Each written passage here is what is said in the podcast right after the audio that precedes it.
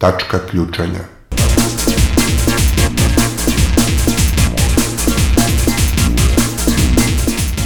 Podcast o protestima.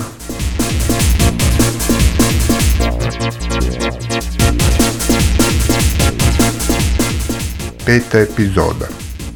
9. oktobar 2019.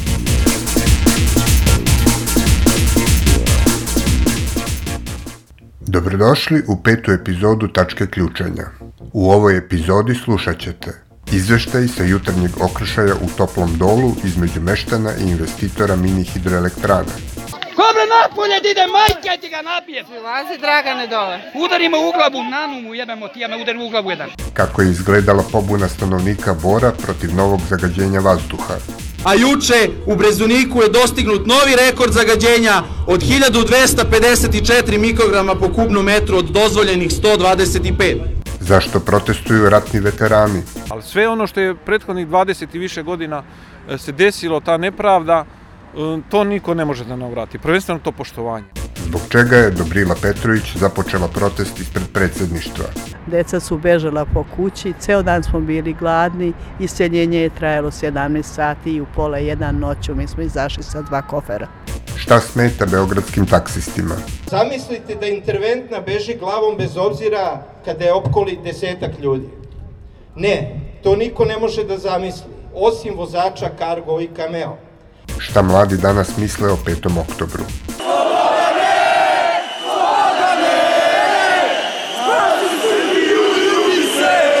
Kako je protekao 44. protest jedan od 5 miliona u Beogradu? Dragane Bujoševiću, sram te bilo! Okomio si se na studente! U prošloj epizodi Tačke ključanja bili smo u selu Topli Do da ispratimo radost meštana Stare planine zbog uspešnog razgovora s predsjednikom Srbije o zaustavljanju izgradnje mini hidroelektrana u tom kraju. Međutim, u ponedeljak rano izjutra iz Toplog dola stigle su dramatične vesti o upadu investitora u to selo i fizičkom sukobu koji je izbio između njegovog obezbeđenja i meštana. Da radimo, branimo svoje, ja imam 72 godine čovjek. Što dolazi? Kome, ko, koga si pitao, bre, čoveče? Ko ti je dao toga? Ko ti je dao? Preko čiji imovin da prođeš? Koga? Pa ti praviš drugo groblje, sram te bilo. Praviš drugo groblje od ovakvu lepotu. Evo ovako, jel hoćemo da se dogovorimo? Hoćemo, ajde. Slušaj šta je moj predlog. Kakav predlog? Pustiš, pustiš ovde nas. Da, nikada. Ne, Ma, samo se čekaj, Ko samo će se- da te pusti, bre, daj, daj ženu prijaznu, udari da... neka- Nema, nema, čika Bile, bez nasilja, mi smo, mi smo gospoda, čika Boško. Ma ko će da te pusti, nemoj to da pominjaš, ja znam šta hoćeš, bre. Nisam, bako, samo malo. Samo malo.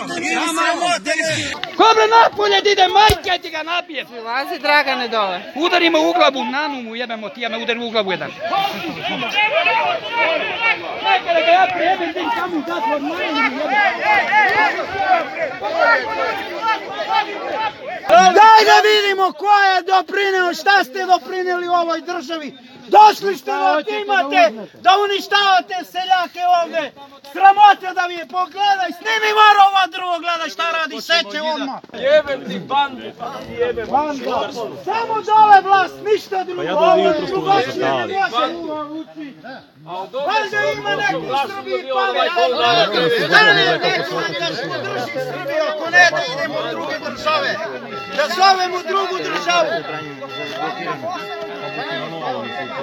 Da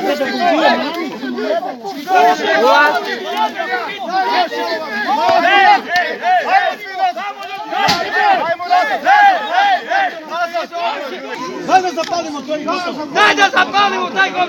pliku. Pozvali smo telefonom Minju Nikolić iz Saveza mesnih zajednica Stare planine i učesnike ovog događaja da za tačku ključanja ispričaju šta se sve dešavalo tokom ove jutarnje bitke na Staroj planini. Je predsednik Saveza zvao, odazvali se ljudi iz Temske, sami meštani, mnogi su iz Pirota došli, sačekali investitora koji je preko babinog zuba došao u topli do, ali su ga tako i vratili. Istim putem, on je želao kao vamo da prođe preko Temske, nisu mu dozvolili. Pored svađe i kamenovanje i na kraju ti njegovi batinaši su suzavac ljudima u oči. Bila je hitna, došla je policija, dosta policije je došlo, kod nas nije kao u Rakitu. Zato što je policija na strani naroda. Tako da su danas prijave sledile investitoru, a ne ljudima koji su branili svoju reku. Povređen je onaj Dragan, tamo gde smo mi bili. Jutro je bilo samo čisto provokativna igra da bi on mogao sebi da napravi prolaz, da snimi i da napravi snimcima onaj način nismo mogli da uđemo, evo sprečeni smo da bi imao opravdanje kod, investi, kod ovih uh, financijera, verovatno banke. Postao mu ističe rok za dva, tri dana, ne znam kad ističe, on je morao da se pojavi ovde. Pokušali su drsko da se ponašaju, kad su videli da ne mogu tako, dobili su svoje što su dobili. Nakon ovog odbijenog upada u selo, u kome je bilo povređenih na obe strane, Josić je izjavio da odustaje od svih planova u toplom dolu. Međutim, izgleda da će ga ova avantura u toplom dolu još neko vreme proganjati, jer je protivzakonita upotreba biber spreja protiv branilaca sela, koja je izazvala dodatni gnev među meštanima, izazvala i interesovanje policije. Tačka ključanja.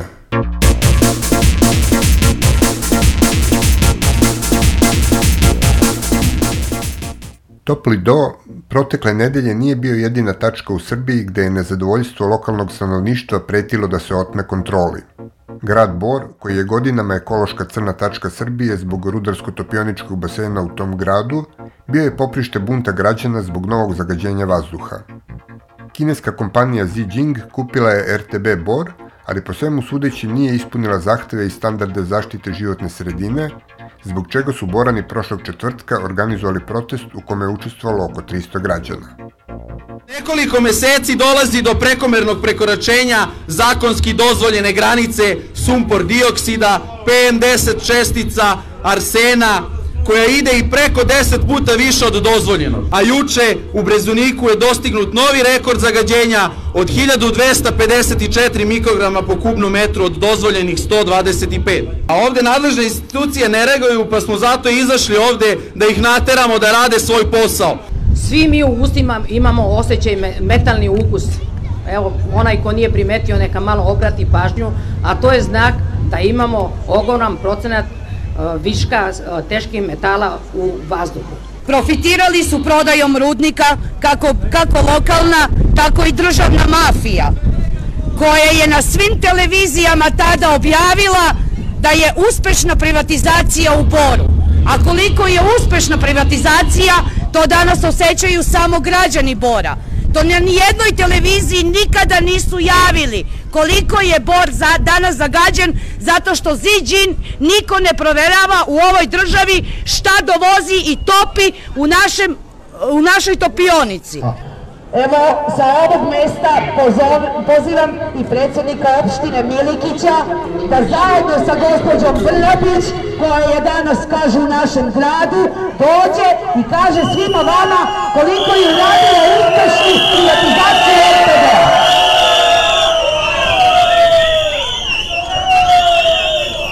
Ovo su bili problemi na koje su demonstranti ukazali, a evo koje zahteve su formulisali. Naše udruženje uputilo dopis pre nekoliko, pre nekoliko dana direktoru Ziđina sa sledećim zahtevima koji rešavaju ovaj problem. Prva stvar, da ima građani Bora da imaju tačan uvid o hemijskim analizama koncentrata koji se uvozi. Imamo saznanja da se u Borskoj topionici topi koncentrat bakra koji nijedna država na ovom svetu neće da topi iz razloga što je prepun sa teškim metalima. Tražili smo da na ovde, na Domu kulture, da se instalira monitor, da se stave u funkciju svih desetak mernih stanica koje su postojale desetinama godina u okolini Bora. Zdravstveno stanje će biti sve gore ukoliko mi pristajem, budemo pristajali da sa nama rade ovo što inače rade. To jedino od nas zavisi. To apsolutno ne, zavisi od Kineza, od Ziđina ili od sadašnjeg predsednika opštine ili od neke, neke ovaj, za ekologiju. To zavisi isključivo od nas građana Bora. Da se sastanemo ispred kancelarije direktora Ziđin i da ne, i da ne, da ne napuštamo ne napuštamo taj prostor sve dotle dok ga ne dovedemo u situaciju da zatvori ovu trovačnicu i da sanira proces proizvodnje bakra. Među prisutnim građanima bes je bio gotovo opipljiv i kulminirao je spontanim pozivima na odlazak pred kapiju topionice. Truju našu decu u našem gradu, u našoj Srbiji. Idemo ispred kapije, zatvorimo kapiju. Bravo, bravo.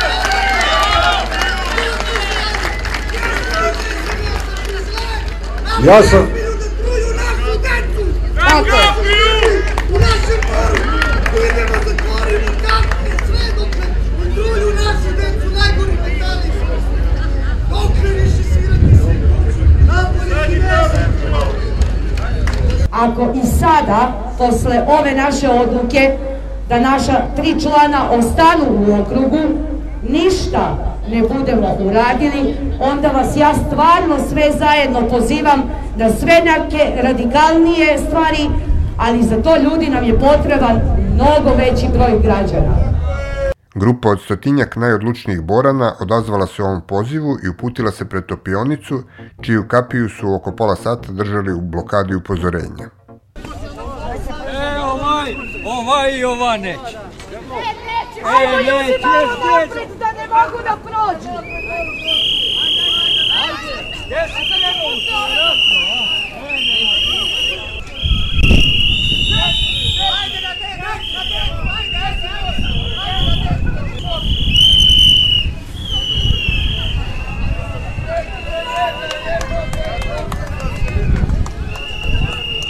Ovo što smo uradili sad, bravo za vas i hvala vam. Trebalo je da svi krenu odande. Uh, ovo što se sada desilo, desilo se spontano i onako kako ste vi želeli.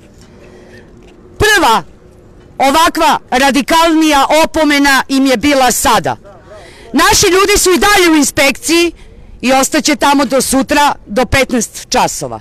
Mi ćemo vas obaveštavati koje su i kakve su dalje akcije.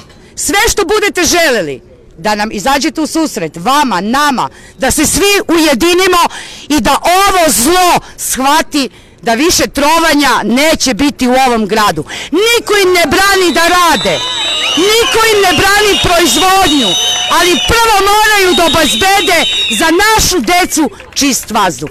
Hvala gospodo, ovo vam je prva opomena.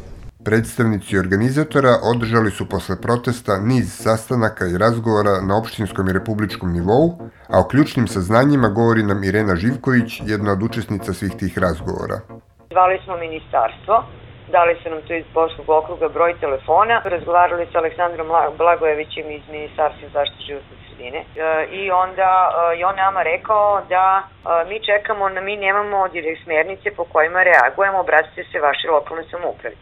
Onda smo mi uh, izvukli iz zakona to što je on tu rekao dve, tri rečenice i našli u zakonu da uh, naša gradska uprava mora da donese kratkoročni akcijni plan.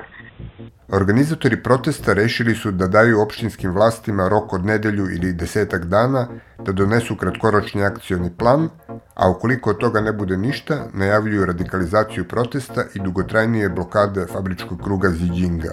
Tačka ključanja.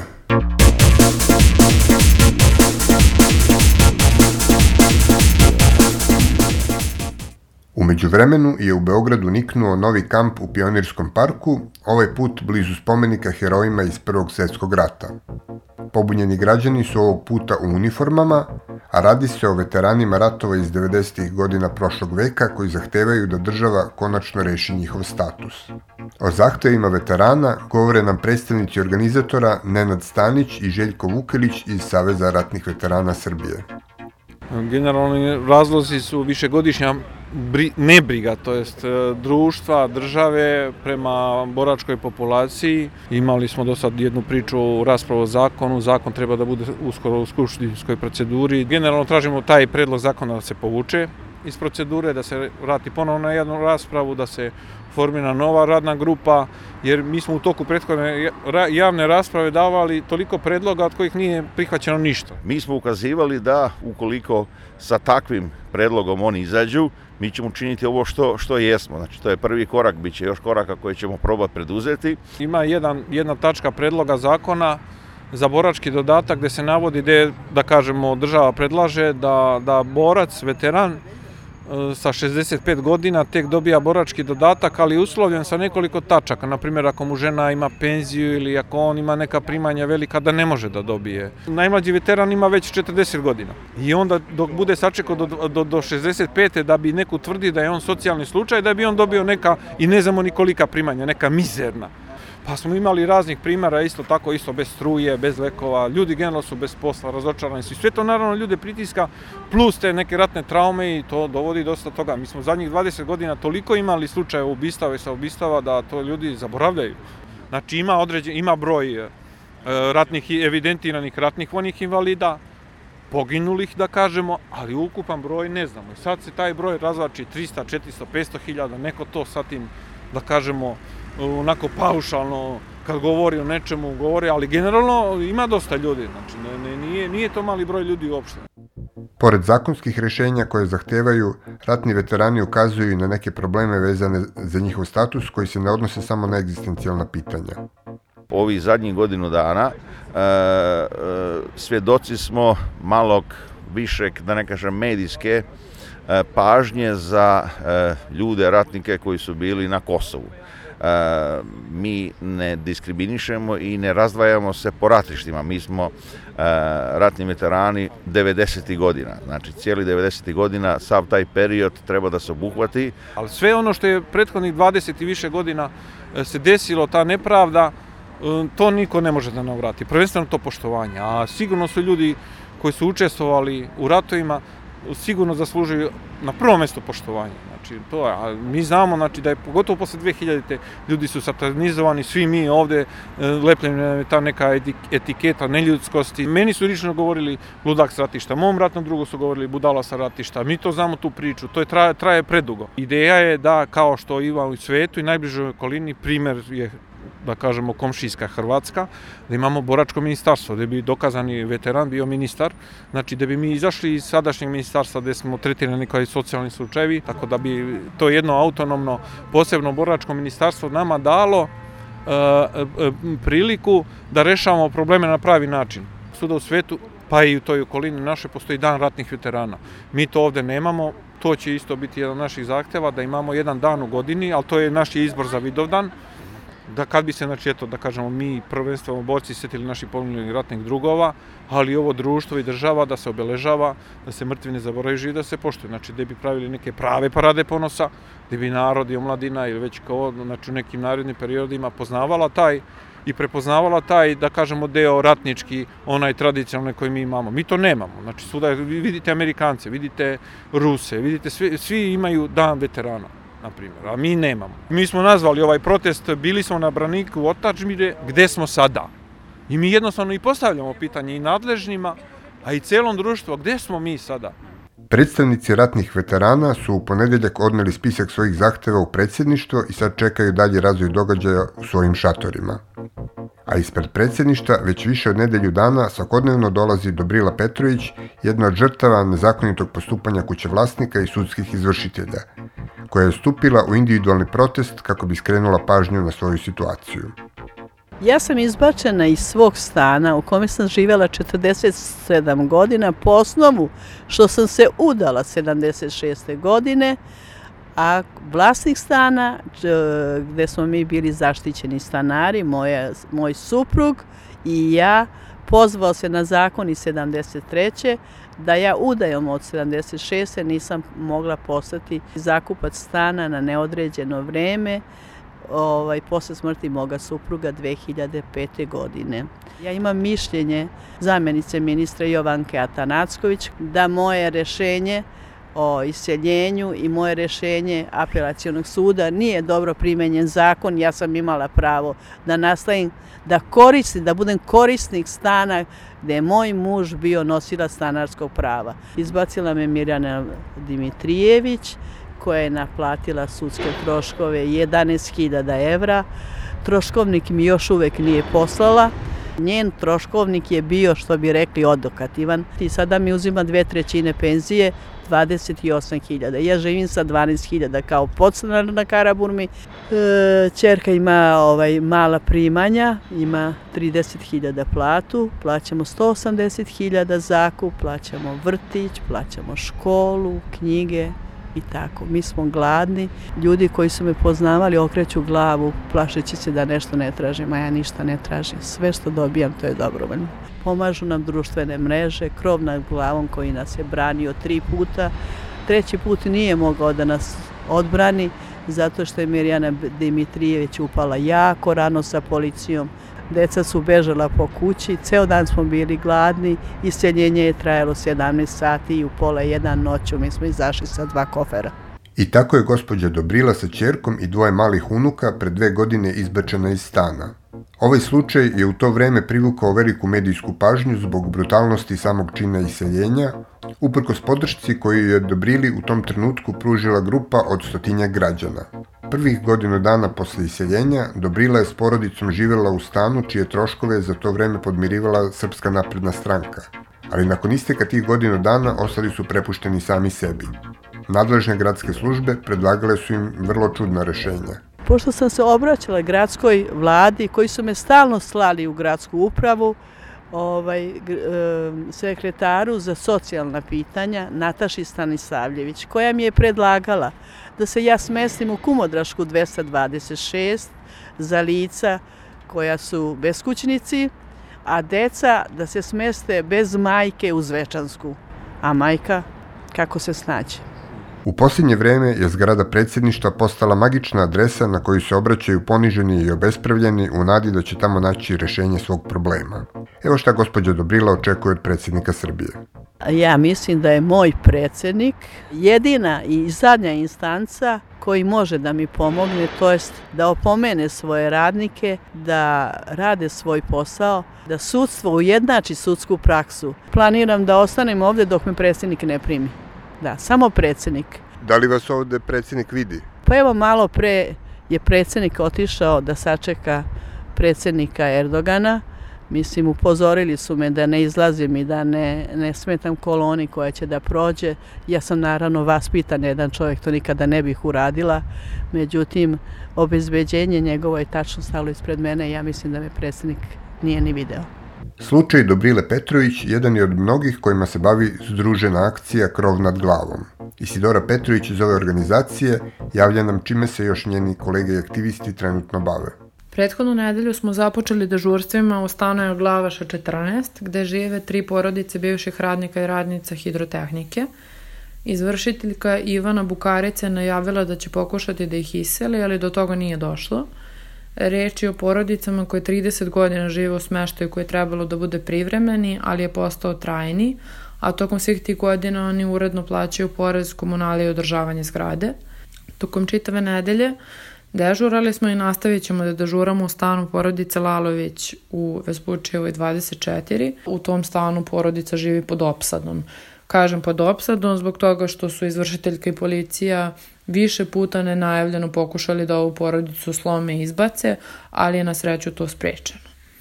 U Vranju je došlo do iseljenja 70-godišnjeg bake i deke, uh, odnosno porodice Đedović. Nada Đedović bola od demencije, ali izvršitelja ni njihova starost ni bolest nisu sprečili da bez ikakvog prethodnog obaveštenja, dakle bez njihovog znanja, na javnoj licitaciji prodaju njihov stan. U narednoj nedelji U pripravnosti smo kada je reč o iseljenju naše sugrađanke Gordane Trifunović u Budmanijevoj 4. Gordana se već 10 godina bori da zadrži kuću svoje porodice, ali takozvani pokret e, Fokolara, društvo koje deluje pri katoličkoj crkvi, ignoriše sudske mere i zaključke u Gordaninu korist, tako da je Gordana već prošla kroz izbacivanje i batine. Tačka ključanja.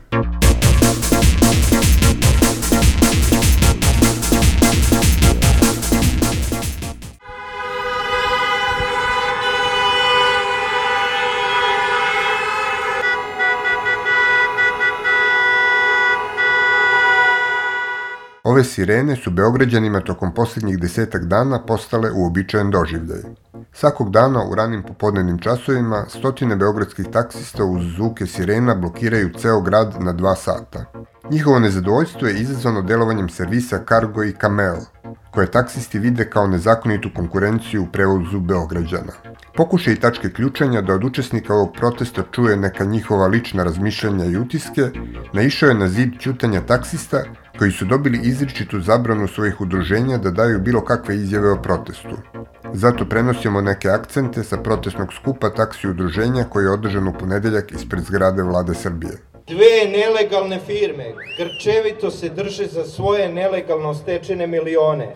Nastavljaju, nastavljaju sa plaćenim lažima u medijima i plaćenim izjavama ljudi na određenim funkcijama. Spisak njihovih plaćenika je ogroman, a oni se sami pojavljuju iz dana u dan, javno, jedan po jedan, da brane neodbranjivo kriminal i korupciju jedne firme. Opkoljavanje pauka, blokade ulaza parking servisa, blokade puteva i ulica, kao i gomilu scena kakve su sramota za bilo kakvu civilizovanu državu. Zamislite da interventna beži glavom bez obzira kada je opkoli desetak ljudi. Ne, to niko ne može da zamisli, osim vozača Cargo i Cameo. To su čarobne reči kada zakon prestaje da važi. Saobraćena policija ih pušta noću bez kontrole i alkotesta. Pauk im više ne sme ni prići. Interventna od njih beži glavom bez obzira, a inspektor beži kada ga odključuju i puste iz auta.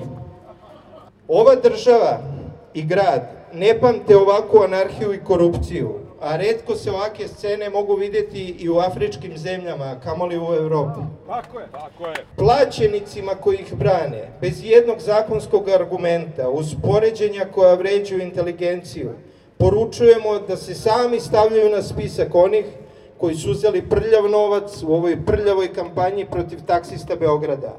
Ali kada stručna javnost počne da poredi prevoz putnika u saobraću sa Bookingom, Viberom i pekarama, onda je stvar jasna. Plaćeni su da lupetaju i lažu.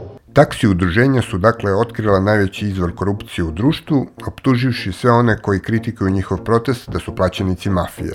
Posebna pažnja je posvećena jednom tvitu Srđana Dragojevića. Evo, pročitat ću vam šta je napisao, pa posle ćemo mu odgovoriti. Meni je sinonim za taksi uslugu u Beogradu pljačkanje mojih prijatelja iz inostranstva, kada ih voze sa aerodroma, svinj former u kolima, turbo folk, miris znoja, urlanje na druge u saobraćaju, krševi, bahata vožnja, zar ne možete taksi udruženja da napravite selekciju vozača? Ajde da mu odgovorim. Gospodine Dragović, nesumnjivo je da su sapun i voda stara civilizacijska tekovina, ali je i kultura koju vi očigledno nemate još starije. Nije dovoljno biti obrazovan, režiser, u trendu, inovativan i popularan. Važnije je biti čovek. Pojasniću vam, pojasniću vam rizik izbora koji ste napravili i stav koji branimo mi, lopovi i znojevi ljubitelji folka. Marihuana, siguran sam da znate šta je to, tako? Da, tako je. Da li je legalizovana? Nije. Nije legalizovana. Znači, po važećem zakonu države Srbije kažljiva je proizvodnja, distribucija i korišćenje marihuane. Ali, dosetili se vlasi ili inovativni i osnovali udruženje građana za inovativnu pomoć ljubiteljima marihuane. Da li bi država to dozvolila? Naravno, ne bi. Ne treba ni nelegalan prevoz. Možda mi nismo anđeli, ali i vi ste daleko od toga, gospodine Dragoviću.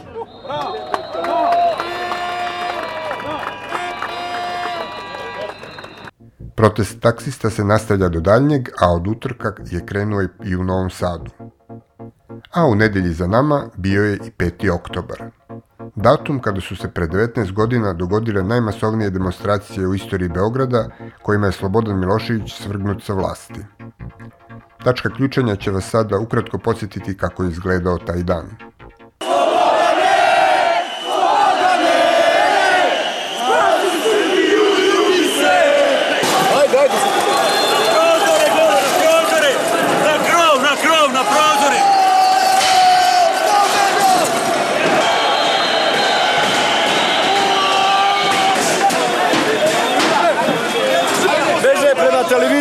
Bacaju suzavac iza sebe đubrat, maj. Pobegli su dole takovsko. Neka gori. Otkud ti pendrek? A? Bio sam u skupštini. Ka, šta je unutra? Kako je unutra? Ludnica. Jel ima pandura? Ima pandura, ali svi su se razbežali. Mi smo im čem pomagali da pobegnu. Dobili batine? Dobili jesu, ali smo im pomagali da pobegnu, ali mi nismo, nego samo od suzavaca, ali skupština je sva izlupana. Sve je gotovo. Ajde. Ima milicije ovaj, koje smo zarobili. Ova koja je bila Koliko gore. ih ima? Ima ih desetak. Šta ćemo s njima? Oduzet ćemo im oružje da, neka- da, da priznaju da su pogrešili. Da su Izvini, pogrešnoj kaži, nek ti daju oružje iz iske. Može, izvolite. Ajde, ajde. Ajmo na šampanac. Ajde. Da, sve sa srećom završeno. Ajde. Mi šampanjac, vinjak, viski, a vi suzavac. Pa je, Putujući po Srbiji, po svim njenim delovima, uočio sam jednu pravilnost. Bilo vas je mnogo kad je trebalo da se glasa, kad je trebalo da se podrži demokratska opozicija Srbije, ali vas još više ima kada treba naša pobjeda da se brani. Sada vas još ima više i zato ćemo tu pobjedu odbraniti našim oružjem protiv njihovog oružja. Ne nasiljem na njihovo nasilje, istinom na njihovu laž.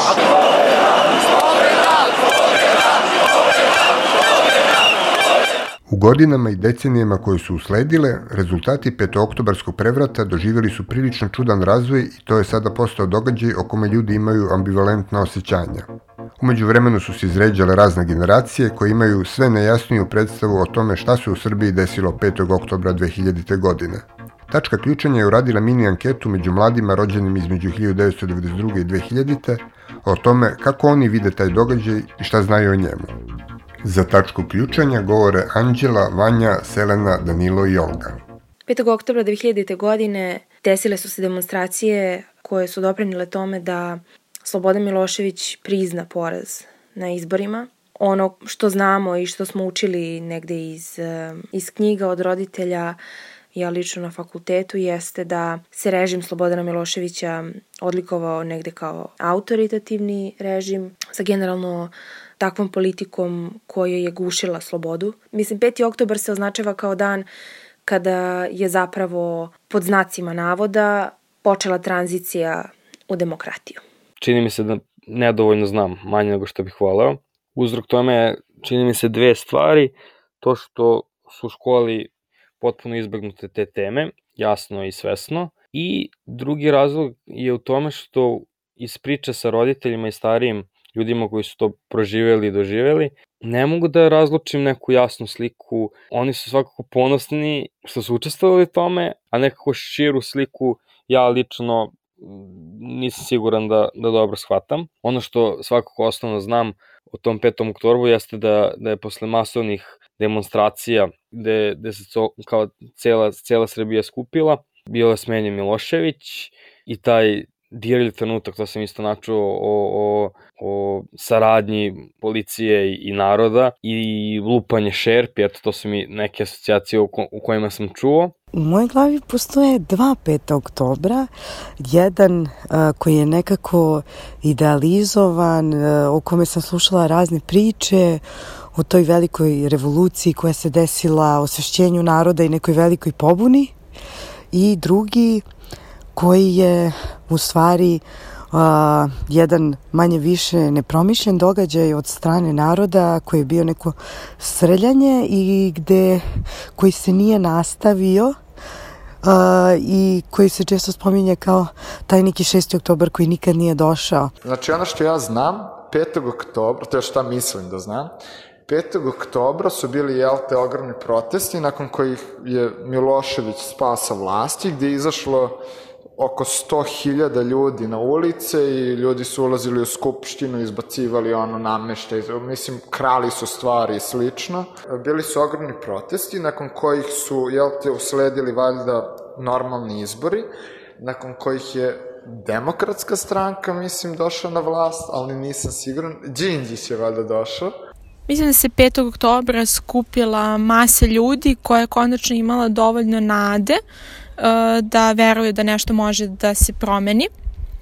Međutim, mislim da oni koji su zapravo došli na pozicije nakon toga da nešto menjaju, to nisu radili, da su interesi prevagnuli i jako mi je žao što je to ostavilo uh, generaciju uh, ljudi koji su ostali razočarani, uh, izgubili nadu da išta ikada ponovo može da se promeni i ono što je najgore je što su preneli to uh, na svoju decu.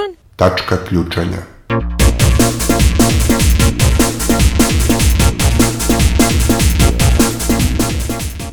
A 5. oktobar 2019. bio je datum kada se desio 44. protest jedan od 5 miliona, koji se nije nešto posebno bavio ovom podudarnošću datuma, mada je bilo prikrivenih očekivanja da će tog dana odziv učesnika biti nešto masovniji nego inače.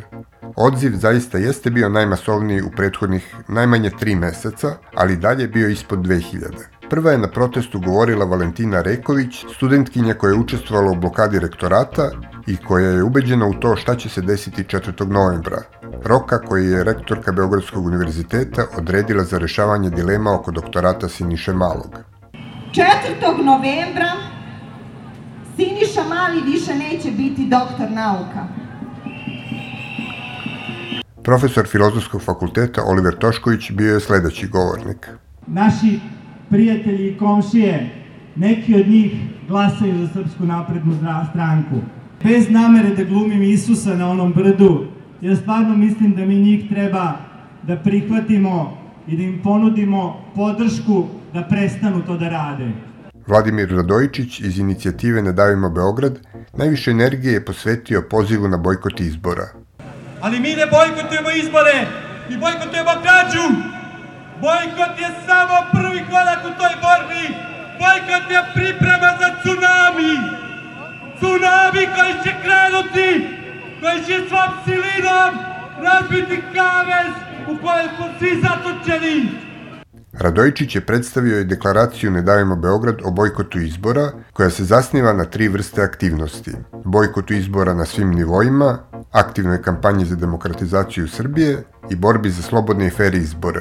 Posle govora ispred rektorata, demonstranti su krenuli u još jednu protestnu šetnju, a ispred zgrade RTS-a studentkinja Teja Vukadin obratila se Draganu Bujoševiću, koji je tužio studente zbog akcije farbanja vrata RTS-a u roze boju.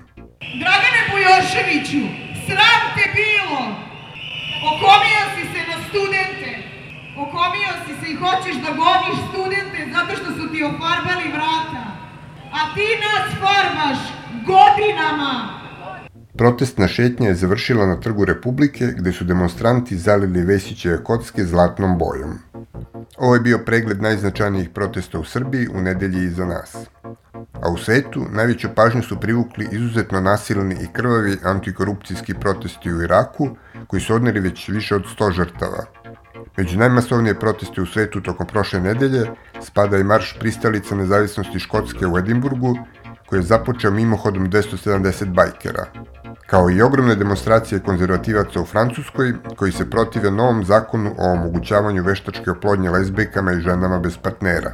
Francuska je tokom prošle nedelje bila posebno bogata protestima raznih vrsta, a mi ćemo sada čuti kako je izgledalo na protestu u gradu Ruanu, čiji stanovnici žele istinu o požaru u lokalnoj hemijskoj fabrici.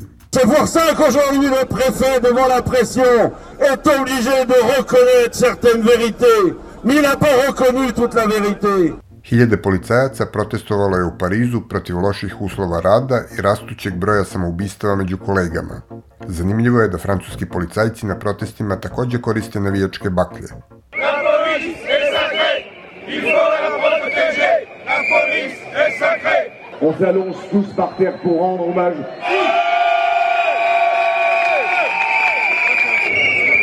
Podstanari u Berlinu protestovali su protiv previsokih kirija. Nur durch der Druck von Zehntausende wütende Mieterinnen und Mieter, die demonstrierten, Unterschriften sammelten und sie zusammenschlossen, war zu erreichen, dass nun die Mietendeckel U Kijevu je nekoliko hiljada ljudi učestvovalo u protestu protiv sporazuma koji otvara prostor za autonomiju oblasti na istoku Ukrajine s većinskim ruskim stanovništvom. Слава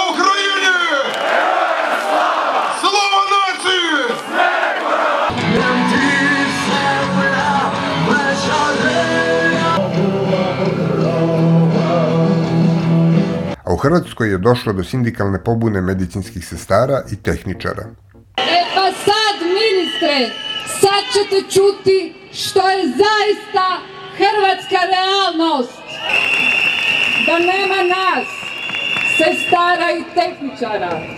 Ovaj sustav bi bio već odavno u kolapsu, jer samo ga mi održavamo svojom empatijom.